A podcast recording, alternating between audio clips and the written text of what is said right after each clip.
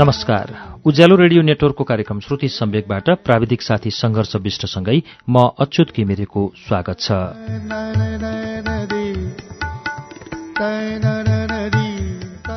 श्रुति सम्वेकको आजको श्रृङ्खलामा हामी एरिका ल्युक्ट्याकको पुस्तक त्रिभुवनकी एरिका लिएर आइपुगेका छौं। यसको चौथो श्रृङ्खला हामीले गएको साता वाचन सुन्यौं। चौथो श्रृङ्खलासम्म आइपुग्दा हामीले यो पुस्तकको एकसठीौं पृष्ठसम्म वाचन सुनिसकेका छौं।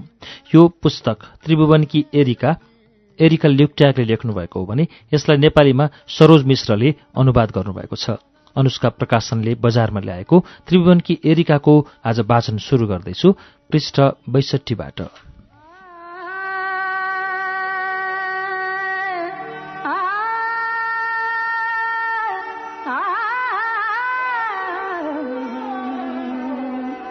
रंगी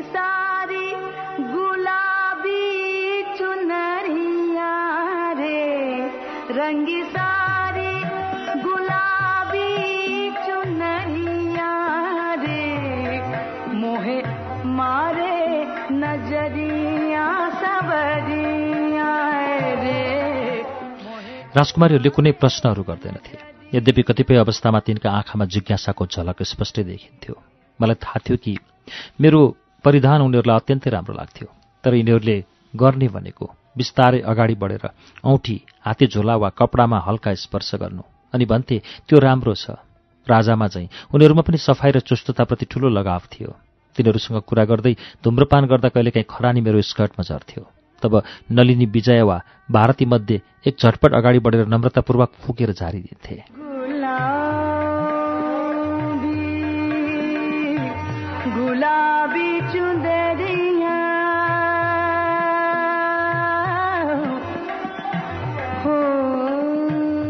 जब हामी साँझमा भेट्थ्यौँ कहिलेकाहीँ मैले बगैँचाबाट रातो गुलाफ वा त्यस्तै अर्को फूल टिप्थेँ र महारानीहरू वा राजकुमारीहरूलाई टक्र्याउँथेँ उनीहरूले त्यो फूल नओइलाएसम्म वा मैले अर्को ल्याएर नदिएसम्म कपालमा सिउरी राख्थे म पुग्दा राजाको कोटमा फूल नभएको देखेँ भने म झटपट एउटा फूल टक्राइहाल्थेँ।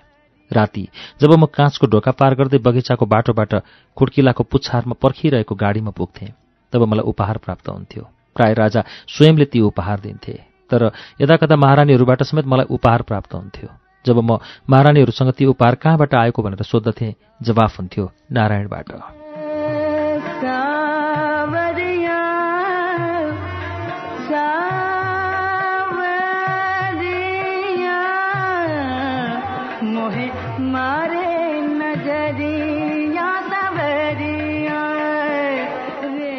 उपहारहरू अत्यन्तै सुन्दर र राम्रादेखि सामान्य पनि हुन्थे।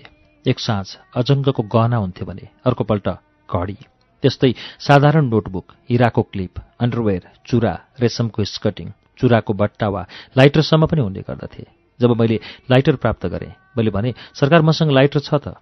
सरकार स्वयंले हिजो नजर गरी बक्सेको थियो। तिमी आफ्नो लुगा फेरिरहन्छौ भने लाइटर किन नफेर्ने? राजाको जवाफ थियो। राजासँग असीमित वस्तुहरू भएको प्रतीत हुन्थ्यो। एक क्षणमै परिचारिकाले वा महारानीहरूले राजाको आँखाको इसाराको भरमा जे पनि टक्राउँथे। नाइलनको जोडा होस् वा ब्याले पुस्तक होस् ती सबै राजाले मेल अर्डर क्याटलगको माध्यमबाट मगाएका थिए। मलाई यी सब कुराले समय समयमा उद्वेलित गर्थ्यो।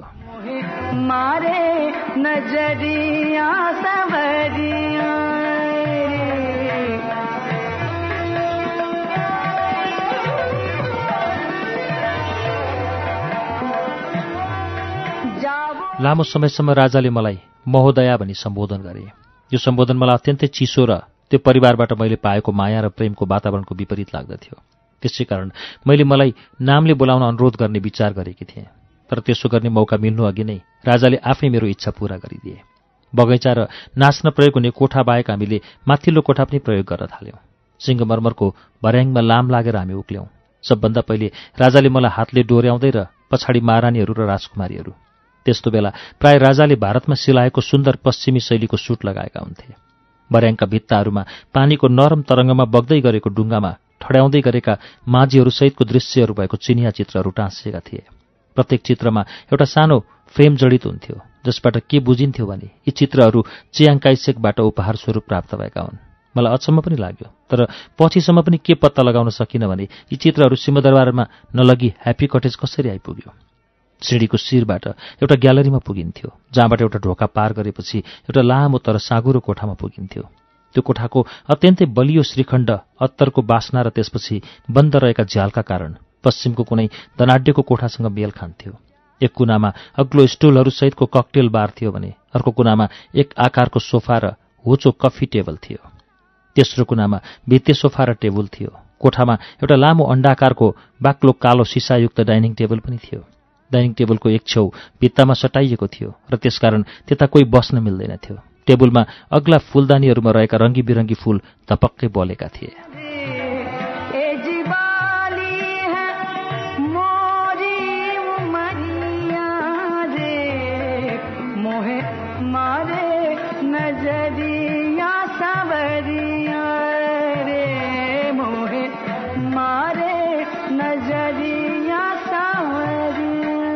मलाई उक्त कोठामा लगिएको पहिलो दिन राजाबाट पिउने कि भनेर सोधनी भयो। त्यो साँझसम्म मलाई खाना वा पेय पदार्थ दिएको थिएन र मैले ती चिजहरू मानिसहरूका न्यूनतम आवश्यकताभित्र पनि पर्दैनन् कि भन्ने सोच्न थालेकी थिएँ। राजाले परको भित्ताको हरियो काठको दराज खोले र त्यो दराज यति धेरै प्रकारका पेय पदार्थहरूले भरिएको थियो कि सायद रक्सीको कुनै पनि व्यापारीलाई समेत आश्चर्यको विषय हुन सक्थ्यो। दराजको ढोकामा हात राखेर राजा मतिर फर्केर जिस्किने पारामा भने तिमीलाई थाहा छ यो मुलुकमा मदिरा निषेध छ भनेर मैले आफूले त्यो कुरा थाहा पाएको बताएँ। ठिक छ। त्यसो भए हामी राजाहरूको राजा किङ अफ किङ खोलौँ।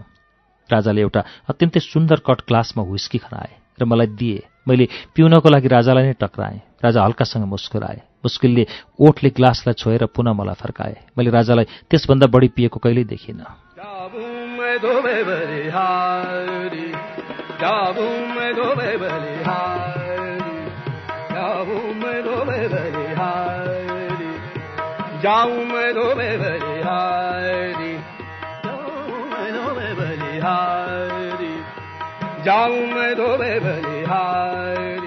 हामी त्यस साँझ त्यहीँ बस्यौँ राजा र म भित्ताको सोफामा रानीहरू हामी छेउ र राजकुमारीहरू फूलको गुच्छा झैँ डसनामा एक आपसमा खाने खुसी गर्दै फोनोग्राफ ल्याएर एउटा टेबलमा राखियो र हामी कहिले नाच्थ्यौँ र कहिले सङ्गीत गुन्जिन्थ्यो राजाको हात मेरो कम्बरमा हुन्थ्यो नाच्दाखेरि महारानीहरू राजाको खुसीमा खुसी थिए एक साँझ। हामी त्यहाँ बस्दै गर्दा राजाले सोधे महोदय तपाईँलाई मेरो नाम थाहा छ? मलाई थाहा छ। सरकारको नाम श्रीपाँच महाराजा धिराज त्रिभुवन वीरविक्रम शाहदेव हो। उनी खुसी भए स्याबास उनी उठे टाउको उठाएर केही सोचेर भने महोदय अब तपाईँ यो परिवारको मित्र हुनुहुन्छ। म तपाईँलाई आफ्नो भिजिटिङ कार्ड दिन चाहन्छु। उनले कान्छी महारानीतर्फ हेरे। कान्छी बडा महारानी खुसीको मुस्कान छर्दै उठिन् र एउटा ढोकाभित्र छिरिन् र तत्कालै चाँदीको डलर जत्तिकै ठुलो एउटा बाक्लो सुनको मुहर लिएर फर्किन्। राजाले बुढी औँला र अर्को औँलाले समातेर त्यसपछि बत्तीको उज्यालो पर्ने गरी फर्काए। त्यसपछि गर्व र तितोपन मिश्रित मधुरो आवाजमा त्यसमा कुदिएका अक्षर पढ्न थाले।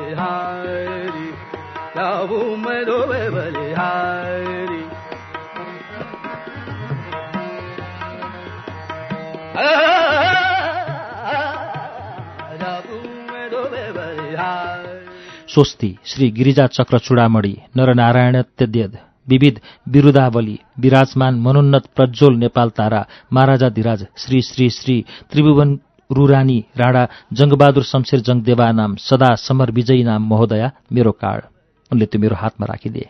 मैले उनको गोडा छोएर नमस्कार गरेँ। म तपाईँलाई शाही परिवारको मानार्थ सदस्य बनाउँदैछु।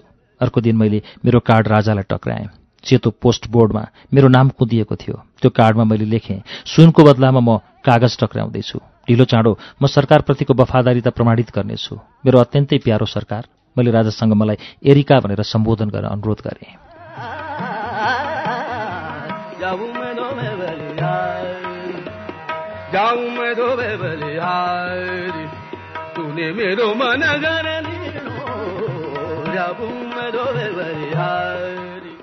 मैले उनलाई दिन सक्ने बहुतै कम चिज थियो। भारतको बजारबाट मैले बहुतै कम सामान ल्याएकी थिएँ र काठमाडौँमा किन्न पाउने सामान त्यसै पनि कम थियो। एक दिन मैले आफ्नो बगैँचाबाट एउटा गुलाबको फूल लगेर राजालाई टक्र्याएँ र बढी फूल ल्याउन आएको कुरा बताएँ। राजाले भने यदिका तिमीबाट पाएको एउटा सुक्खा पात पनि हिराभन्दा अमूल्य लाग्छ मलाई। हामीले बढी समय राजाको माथिल्लो कोठामा बिताउन थाल्यौँ। हामी त्यहाँ नाच्थ्यौँ र कहिलेकाहीँ खाना खान्थ्यौँ। राजपरिवारको समयप्रतिको व्यवस्थासँग भने म कहिल्यै अभ्यस्त हुन सकिनँ। म अत्यन्तै ठिक समयमा पुग्थेँ किनकि मलाई थाहा थियो यदि म पाँच मिनट मात्र ढिलो भएँ भने पनि राजालाई मन पर्दैन। तर राजा आफै भने प्राय नाच सिक्ने समयमा दुई घन्टासम्म पनि ढिलो हुन्थे त्यसको कारण पनि बताइँदैन थियो र कुनै क्षमा याचना समेत गरिँदैन थियो।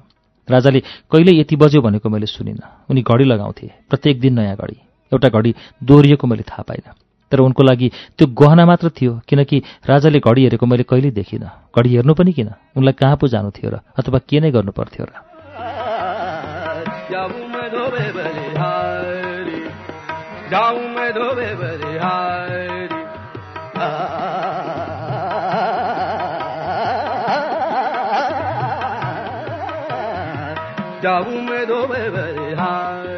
मैले बुझेँ कि राजा हरेक दिन बिहान नौ बजे जागा हुन्थे। र सोसारीले ल्याएको चिया पिउँथे। त्यसपछि बिस्तारै तर मिलाएर कपडा लगाउँथे। त्यो काममा उनलाई एउटी रानीले सघाउँथिन्। साढे एघार बजेतिर उनी हल्का खाना खान्थे जुन कहिलेकाहीँ त मध्यरातसम्मकै लागि हुन्थ्यो।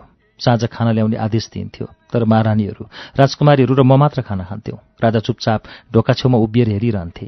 त्यति बेला उनको अनुहार कपालको जुल्फीले छेकिएको हुन्थ्यो। कहिलेकाहीँ उनी केही नबताइकन उदास मुद्रामा गायब हुन्थे तर फर्किँदा केटाकेटीको जस्तो चञ्चलता हुन्थ्यो। सायद एकान्तवासले उनको उदासी हराउँथ्यो। उनी सधैँ शान्त पाराले आउँथे। यदि ढोका मेरो पछाडि भए पनि उनी आएको म थाहा पाउँथे। कुनै आवाजका कारणले होइन छैठौँ इन्द्रियले काम गर्थ्यो।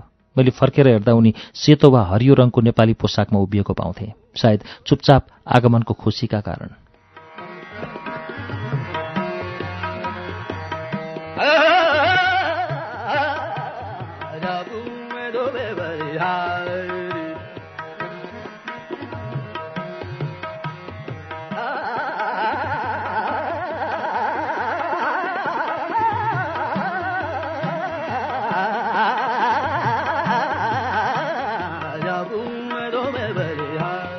एक साँझ ककटेल बारमा यसभन्दा अगाडि नदेखेकी एउटी सुसारीले चियाको ट्रली लिएर आइन्।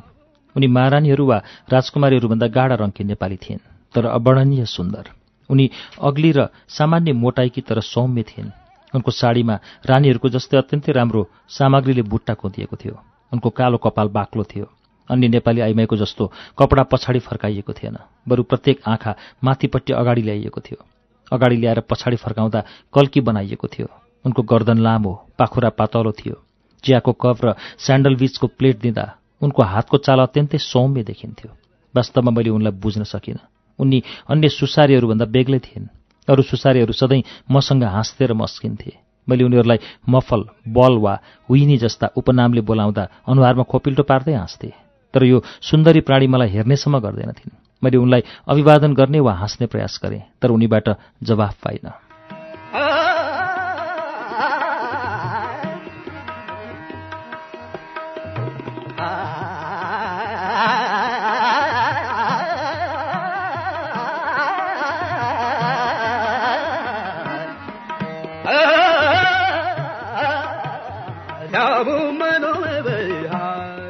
धेरैपछि एक दिन राजासँग एकान्त हुँदा मैले भने ती आइमाई अत्यन्तै राम्री छिन्। तिनी सरकारकै होइनन् त?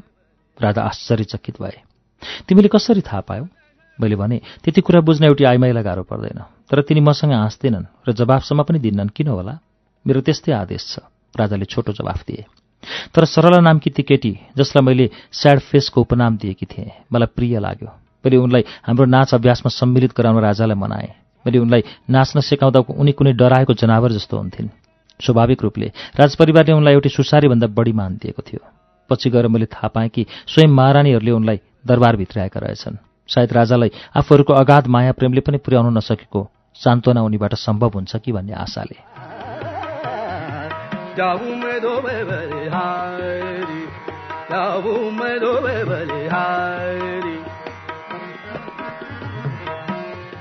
जब मैले यो कुरा थाहा पाएँ मेरो कुनै अस्वाभाविक प्रतिक्रिया थिएन। दरबारमा म भोइलिनको तार जस्तो थिएँ जुन भावनाका साथ सहानुभूतिमा बस्थ्यो। मैले राजाको दुःख वा सुख प्रकट हुनुभन्दा अघि नै थाहा पाउन थालेँ। राजाको उपस्थिति आवाज बिना नै थाहा भए जस्तै राजा महारानीहरू र राजकुमारीहरू बीचको असाधारण टेलिप्याथी बुझ्न थालेकी थिएँ।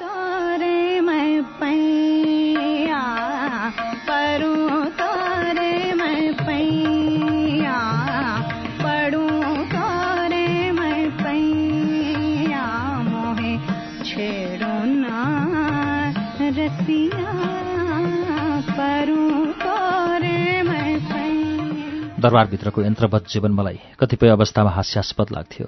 हरेक ढोकाहरूमा सधैँभरि ताला लगाइएको हुन्थ्यो। यहाँसम्म कि बाथरुममा समेत ताला हुन्थ्यो। राजा बाथरुम जाँदा ताला खोल्थे भित्र गएर बन्द गर्थे अनि बाहिर आएर फेरि बन्द गर्थे। साँझमा माथिल्लो तल्लाको ककटेल बारमा जाँदा हरेक दिन ढोकाको ताला खोल्न केही बेर रोकिन पर्थ्यो।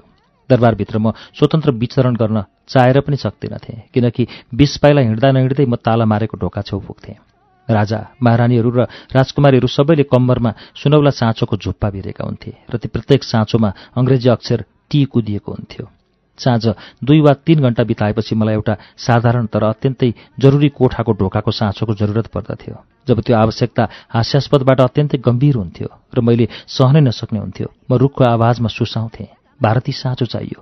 हाँस्दै उनले झुप्पाबाट साँचो दिन्थिन् र फर्काएपछि पुनः झुप्पामै राख्थिन्।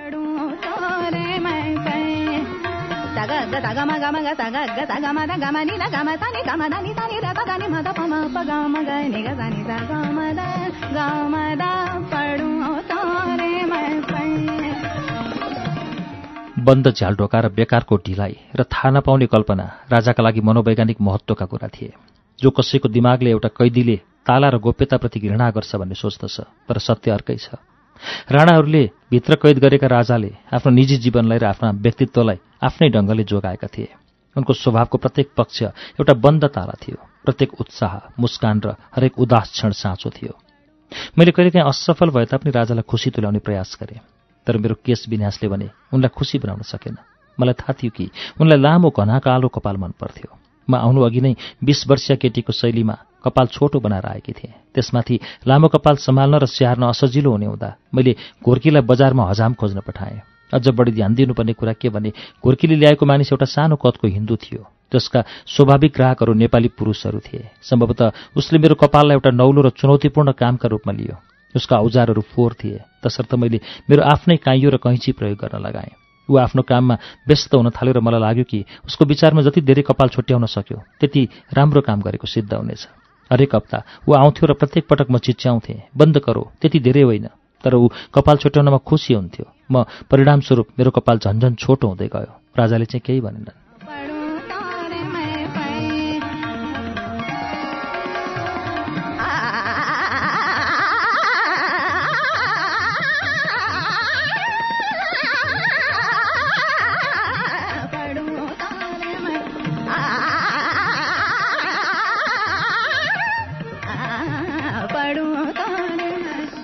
सूर्यास्तभन्दा अगाडि साँझ हामी राजालाई पर्खँदा म र राजकुमारीहरू बगैँचाको झुलामा बस्दथ्यौँ। भारती र नलिनी मेरो दुई छेउमा हुन्थे भने कहिलेकाहीँ विजया चाहिँ हाम्रो खुट्टा मुनि। कहिलेकाहीँ हामी कमल पोखरीको छेउको बेन्चीमा बस्दथ्यौँ। यदा कदा म थाहा पाउँथेँ कि राजा आइसकेका छन्। फर्केर हेर्दा उनी प्रसन्न मुद्रामा हाँसेर उभिएका हुन्थे। ढिलो हुँदा उनी गोधुलीको समयमा आइपुग्थे। जब बत्ती बल्न थालेको हुन्थ्यो र चराहरू वासस्थानतर्फ उड्न थालेका हुन्थे मलाई थाहा थियो कि उनले त्यो समय चयन गर्नुको पछाडि नाटकीय असर पैदा गर्ने लालसा थियो र त्यसका लागि म उनलाई दोष दिनथे हामी पर्खेर बस्दा कछुवाहरू बाक्लो हरियो घाँसमा मन्द गतिले आँप चपाउँदै रातको वासस्थानतिर हिँड्थे। कहिलेकाहीँ त हावाको चाल यति शून्य हुन्थ्यो कि फूलहरू मैनका जस्ता देखिन्थे। मैले चट्टानमा कुदिएको लक्ष्मीको मूर्ति देखेकी थिएँ। झुकेको आँखा चौडा नितम्ब पातलो कम्बर र विशाल वक्षस्थल भएकी ती शान्त देवीको नाजुक खुट्टा कछुवाको आवरणमा टेकेको हुन्थ्यो।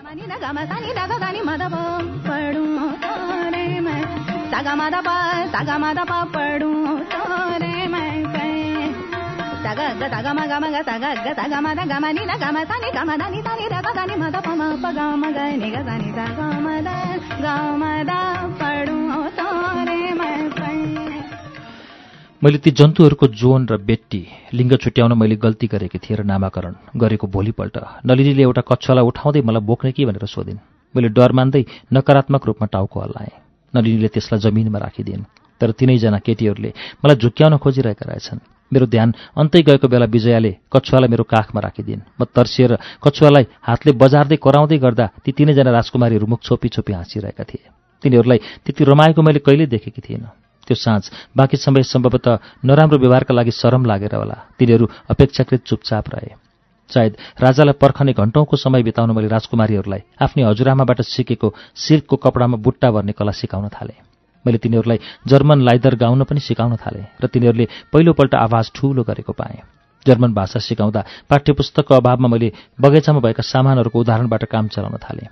सानो बुट्यान र च्याउला देखाउँदै म सोध्थेँ भारती वाज इस्ट दास उनको जवाफ हुन्थ्यो दास एन ज्वर्ग अथवा दास इस्ट एन पिल्ज र मलाई थाहा थियो कि हामीलाई गुप्त तवरले हेरिँदैछ। राजाको सुत्ने कोठाको बाल्कोनीको बन्द झ्याल पछाडिबाट राजाले हामीलाई आफू प्रकट हुने समय नभएसम्म हेरिरहन्थे।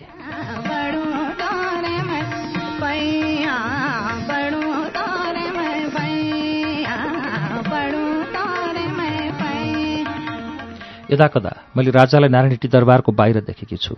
विशेष त राणाहरूको विचारमा राजनैतिक हिसाबले राजाको उपस्थिति आवश्यक औपचारिक समारोहहरूमा उनी सरिक हुन्थे। उदाहरणको लागि मैदानमा आयोजित एक खेल समारोहमा खाकी पोसाक र कुनै समय नेपोलियनको सङ्ग्रहमा रहेको ठूलो हिरा मध्यभागमा जडित श्रीपेश लगाएर बरको मुनतिर राखिएको मेचमा उनी विराजमान भए।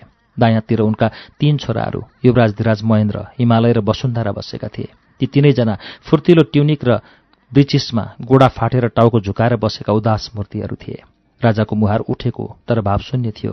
राजा र उनका छोराहरूका वरिपरि अत्यन्तै झकिझकाउ पोसाकमा राणा जर्नेलहरू थिए।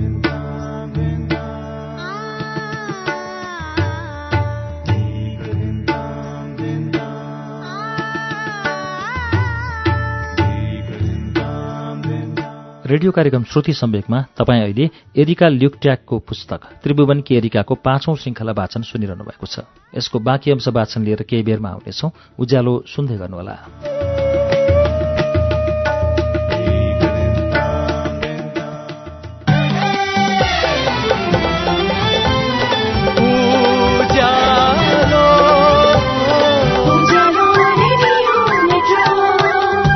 सीधा कुरा प्रश्न विचार। Ujyaalo radio network.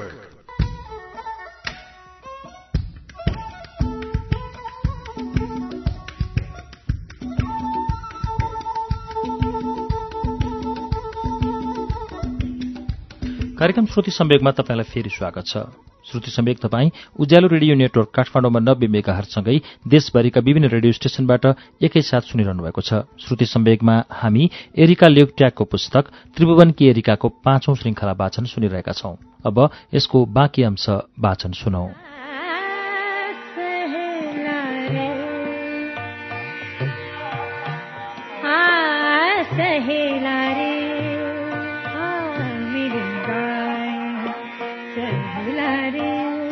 मैदान मेरो निवासबाट नजिकै भए तापनि म कार चढेर त्यहाँ गएँ। तर मेरो गाडी ठूला अमेरिकन बुइम्स र क्याडिल्याकहरूका छेउ पार्क गरियो। ती कारहरूमा सेतो उज्यालो रातो बैजनी सुनौलो निलो हरियो र पहेँलो रङका साडीहरूमा सजिएका तथा घाँटी नाडी नाक र कपडासम्म गरगहनाले ढाकेका राणा महिलाहरू बसेका थिए।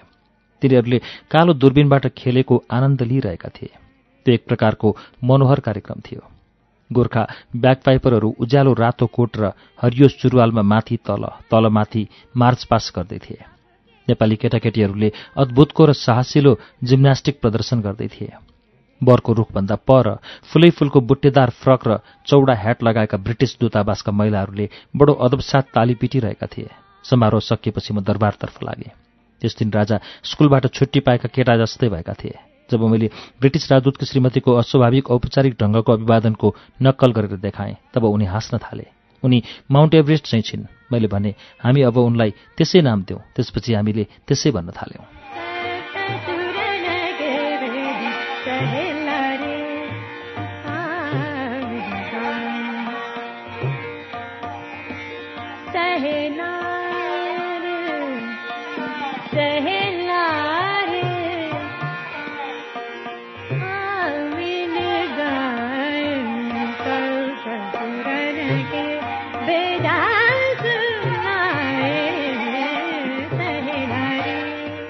राजाका छोराहरूलाई पहिलो पटक देखेपछि म तिनीहरूप्रति अत्यन्तै उत्सुक भएकी थिएँ। राजा उनीहरूका बारेमा केही बताउँदैनथे। यति मात्र भन्थे तिनीहरू उनीभन्दा टाढा नारायणटी दरबारकै कम्पाउन्डभित्र वा अन्तै कतै बस्छन्। त्यसभन्दा बढी केही थाहा नपाउँदा म अलमलमा परेकी थिएँ। जे होस् एक दिन मैले राजकुमार वसुन्धराका एकजना सन्तानलाई भेटेँ। म दरबार पुग्दा मैले कान्छी बडामारे ड्रिमीलाई तलाउको नजिकै छायामा हेर्दै पुतली जस्तो देखिने एक बालिकालाई बोकेर उभिएकी भेटेँ। त्यो बालिका मुस्किलले तीन वर्षको उमेरकी थिइन् तर अत्यन्तै सुन्दर ड्रिमी मुस्कुराइन्। र त्यो बच्चालाई हामी दुई बीच राख्दै भनिन् यो राजकुमारी के त कि हो एरिका? तिनी आफ्ना हजुरबाको जस्तै लामो कपालमा सजिएकी गोलो मुहारकी गालामा पाउडर लगाएकी र दुवै कानमा ठूला पहेँला हिराको गहना लगाएकी सुन्दर बालिका थिइन्। तिनले मलाई उत्सुकतापूर्वक हेरिन्। मैले झुकेर उनलाई बोलाएँ मेकी माउस हुन पनि सबैजसो नेपाली एवं भारतीय बालबालिकाहरू तिनीहरूका चौडा एवं अबोध आँखाका कारण मलाई मेकी माउस जस्तै लाग्दथ्यो। तिनी एक क्षण लजाइन् तर दुवै हात फैलाउँदै मतर्फ दौडेर आइन्।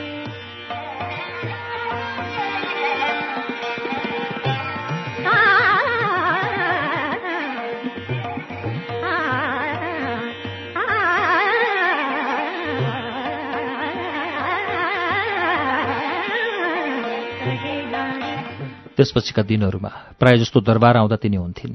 तिनले बहुतै खुसी मानेर मलाई एरिकाजी भन्थिन्। मैले उनलाई नाच्न सिकाएँ।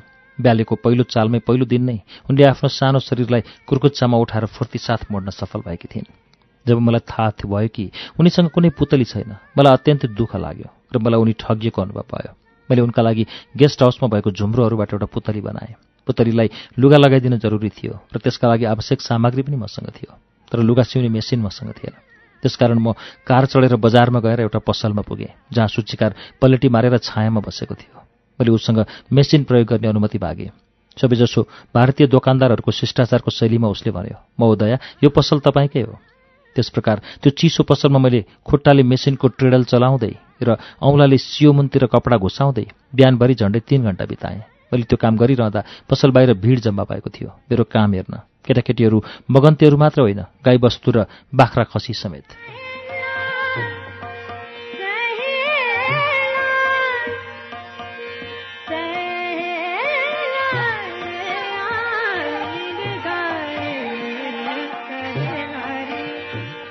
त्यो साँझ राजा मलाई पर्खिरहेका थिए र उनले त्यसो गरेको सम्भवतः पहिलो पटक थियो। उनी अलि उत्सुक देखिन्थे। मेरो नमस्कारको जवाफ दिँदै उनले सोधे रिका आज बिहान तिमी दर्जीको दोकानमा के गर्दै थियौ? सरकारलाई त्यो कुरा कसरी थाहा भयो? मलाई थाहा छ उनले भने। अब भन त्यहाँ तिमी के गरिरहेकी थियौ? मैले उनको गोप्यता भङ्ग नगरिकन र उनको अचानक कारमा बजार भ्रमणको कुरो थाहा नपाए चाहिँ गरी भने म मिकी माउसका लागि यो बनाउँदै थिएँ। हातमा पुतली देखाउँदै मैले भने उनले खुसी हुँदै हात फैलाए। एकैछिन उनी हाँसेर तत्कालै खुसी देखिए। उनले मेरो हात समाए र मसँग निकै बेर केही नबोली हिँडिरहे। एकपटक मैले उनलाई राणा राजकुमारीहरूले प्राचीन रूपको पुरानो डिजाइनका पहिरनमा हात्तीमा विचरण गर्दै गरेको बताउँदै केतकीका लागि उनका उमेरका युरोपियन केटीहरूले लगाउने खालको कपडा डिजाइन गर्ने बताए। उनले त्यसको बारेमा थप बताउन भनेपछि मैले झटपट कागजमा एउटा स्केच तयार पारेर देखाएँ। छोटो बाउला भएको सानो फ्रक जसमा पिटर प्यान कलर थियो। उनले त्यो कागज लिएर ध्यानपूर्वक हेरे र मलाई फर्काउँदै अत्यन्तै अनिच्छापूर्वक जवाफ दिए। पर्दैन डिजाइन गर्नु पर्दैन।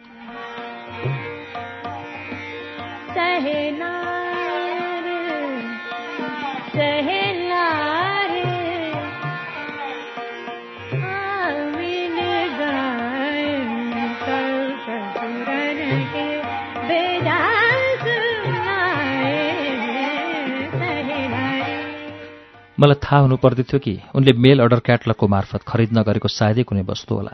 प्रत्यक्ष रूपमा नदेखे पनि बाहिरी संसारका बारेमा राजा र उनका रानीहरू अनभिज्ञ भने थिएनन्। महारानीहरू र राजकुमारीहरूले सधैँ फेसन अनुसारको लुगा लगाउँथे। तिनको लागि फेसन भनेको साडी नै थियो र साडीकै फेसन सूक्ष्म तर पश्चिमी शैलीको कपडा झैँ मनोमानी ढङ्गले परिवर्तन भइरहन्थ्यो। साडीको आधारभूत शैलीमा शताब्दीौँदेखि कुनै ठूलो परिवर्तन भएको भने थिएन। भारतीय महिलाहरूले धेरै पहिलेदेखि नै निर्क्युल गरिसकेका थिए कि साडी बाहेक अन्य कुनै परिधान तिनीहरूलाई राम्ररी सुहाउँदैन। तैपनि समय समयमा यसको परिवर्तनका रूपमा साँगुरो साडीको मुनतिर लगाउने ब्लाउज अर्थात् चोलीले कम्बर खुला छोडिन्थ्यो भने कहिले कम्बर ढाकिन्थ्यो। साडी र चोलीको रङ मिल्दो किसिमले परिवर्तन भइरहन्थ्यो। एक समयमा हरियो साडीमा पहेँलो चोली लाग्थ्यो भने अर्को पटकमा पहेँलोमा निलो अथवा सेतोमा गाडा रातो। भारतीय महिलाहरूले रङ र स्टाइलको सम्मिश्रण मिलाउँथे यी दुई परिधानहरूमा। बडा महारानीहरू र राजकुमारीहरूले अन्य भारतीय महिलाहरू सर नै फेसनको बदलिदो रूपलाई अङ्गीकार गर्दथे। एक दुई अपवादलाई छोडेर। तिनीहरूका चोली सधैँ पुरा बाउलाको हुन्थ्यो र तिनले आफ्ना मसिना सुन्दर बाउलाहरू कहिल्यै देखाउँदैनथे प्रचण्ड गर्मीमा समेत। मैले भारतीसँग यस्तो किन भएको भन्ने प्रश्न एकपटक सोद्धा उनको जवाफ थियो यो साई हुकुम हो बुवाजीको त्यस्तै आदेश छ। किन त्यस्तो? मैले राजालाई सोधेँ सरकारलाई आइमाईको नाङ्गो पाखुरा हेर्न मन लाग्दैन? मन लाग्छ। उनको जवाफ थियो तर आफ्नै परिवारका सदस्यहरूको होइन।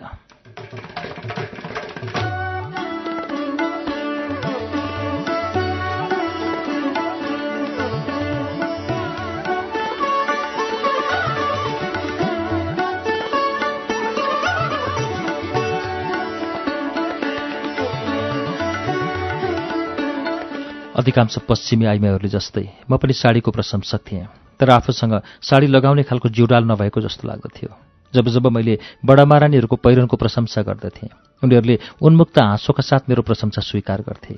एक साँझ जब म दरबार पुगेँ बडा महारानी एवं राजकुमारीहरू मलाई हलमा पर्खेर बसेको पाएँ। ती सबैजनाले फरक पहिरन पहिरेको समेत देखियो। यो कुनै चाडको दिन हुनुपर्छ भन्ने त मैले अनुमान गरेँ तर तिनीहरूको असाधारण खुसी र उत्साहको कारण छुट्याउन सकिनँ। मैले जब थप्पडी मार्दै र स्याबास भन्दै प्रशंसा गरेँ तब उनीहरूले एक फनको घुमेर आफ्नो कपडाको सौन्दर्य देखाए। वास्तवमा नै ती वस्त्रहरू रङै रङको जादुले भरिएको फोरा जस्तो अत्यन्तै सुन्दर थिए। ती कपडाहरूमा सुनका सिक्का जस्तो देखिने बट्टा थियो। तिनीहरूले सानो बच्चाले चाहिँ मेरो पाखुरा समाएर भने एरिका तिम्रो लागि पनि एउटा छुट्याएका छौँ।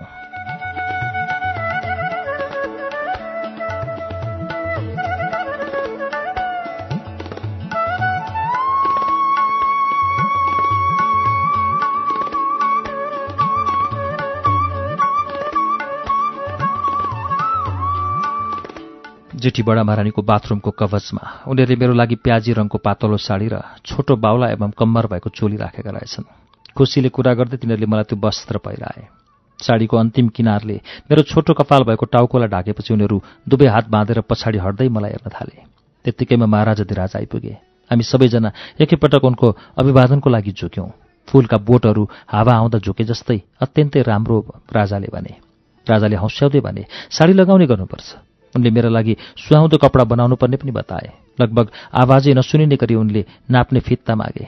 बडी महारानीले ल्याएर दिइन्। राजाले बहुतै होसियारीपूर्वक मेरो नाम नाप लिँदै कागजमा टिप्न थाले। सकिएपछि उनले भने भोलि साँझ तिमीले देख्नेछौ। भोलिपल्टको साँझ भुइँतल्लाको हलको नजिकैको राजाको पन्ना चाहिँ हरियो बाथरुममा राजा बडा महारानीहरू उनका छोरीहरू मलाई पर्खेर बसेका थिए। त्यहाँ दुईवटा सारी र दुईवटा चोली थिए। पहिलो सारी खैरो रङको र सुनौलो किनार भएको थियो। अर्को चाहिँ वनस्पति शास्त्रको भाषामा एरिका नामको बुट्यानको रङ थियो। मैले दोस्रो छाने त्यसमा सुनको बुट्टा कुदिएको हस्तिहाड रङको चोली लगाएँ। त्यसपछि आफ्नो असुहाउँदो कपालमा सारीका पल्लु राख्दै माथि राजाका नमस्कार गर्दै पुगेँ म।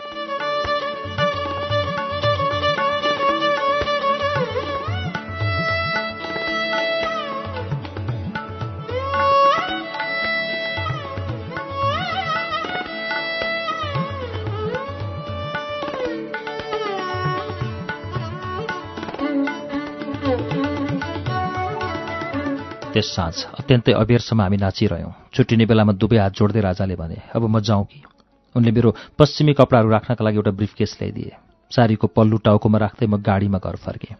गेस्ट हाउसको ढोकाबाट म हिँड्दै जाँदा मलाई घोर्की दोस्रो सिँढीमा पिप्चेनका साथ फर्केर बसेका थिए। उनको आँखामा आश्चर्यको झलक स्पष्ट देखिन्थ्यो।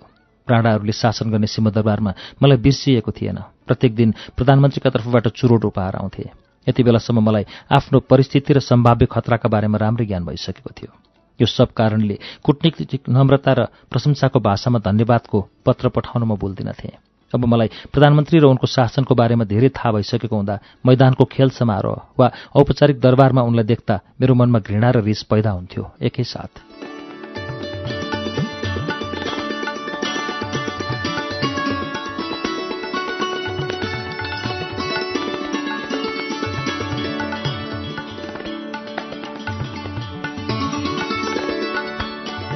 मलाई याद छैन।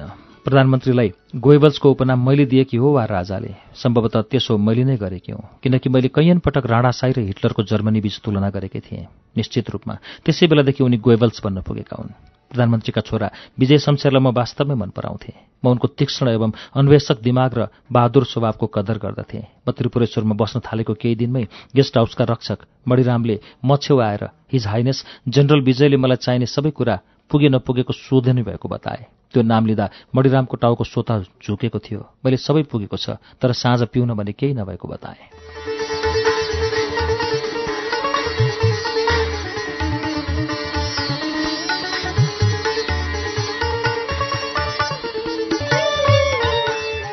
श्रुति सम्वेकमा एरिका ल्युक्ट्याकको वाचन त्रिभुवनकी एरिका। तपाईँले सुन्नुभयो एरिका ल्युक्ट्याकको पुस्तक त्रिभुवनकी एरिकाको पाँचौं श्रृङ्खला आज हामीले चौहत्तरौं पृष्ठमा ल्याएर रोकेका छौं। यो पुस्तकको छैठौं श्रृङ्खला अर्को साता फेरि सुन्न सकिनेछ। तबसम्मको लागि प्राविधिक साथी सङ्घर्ष विष्ट र म अच्युत घिमिरे। कार्यक्रम श्रुति सम्वेकबाट विदा हुन्छौ। नमस्कार शुभरात्री।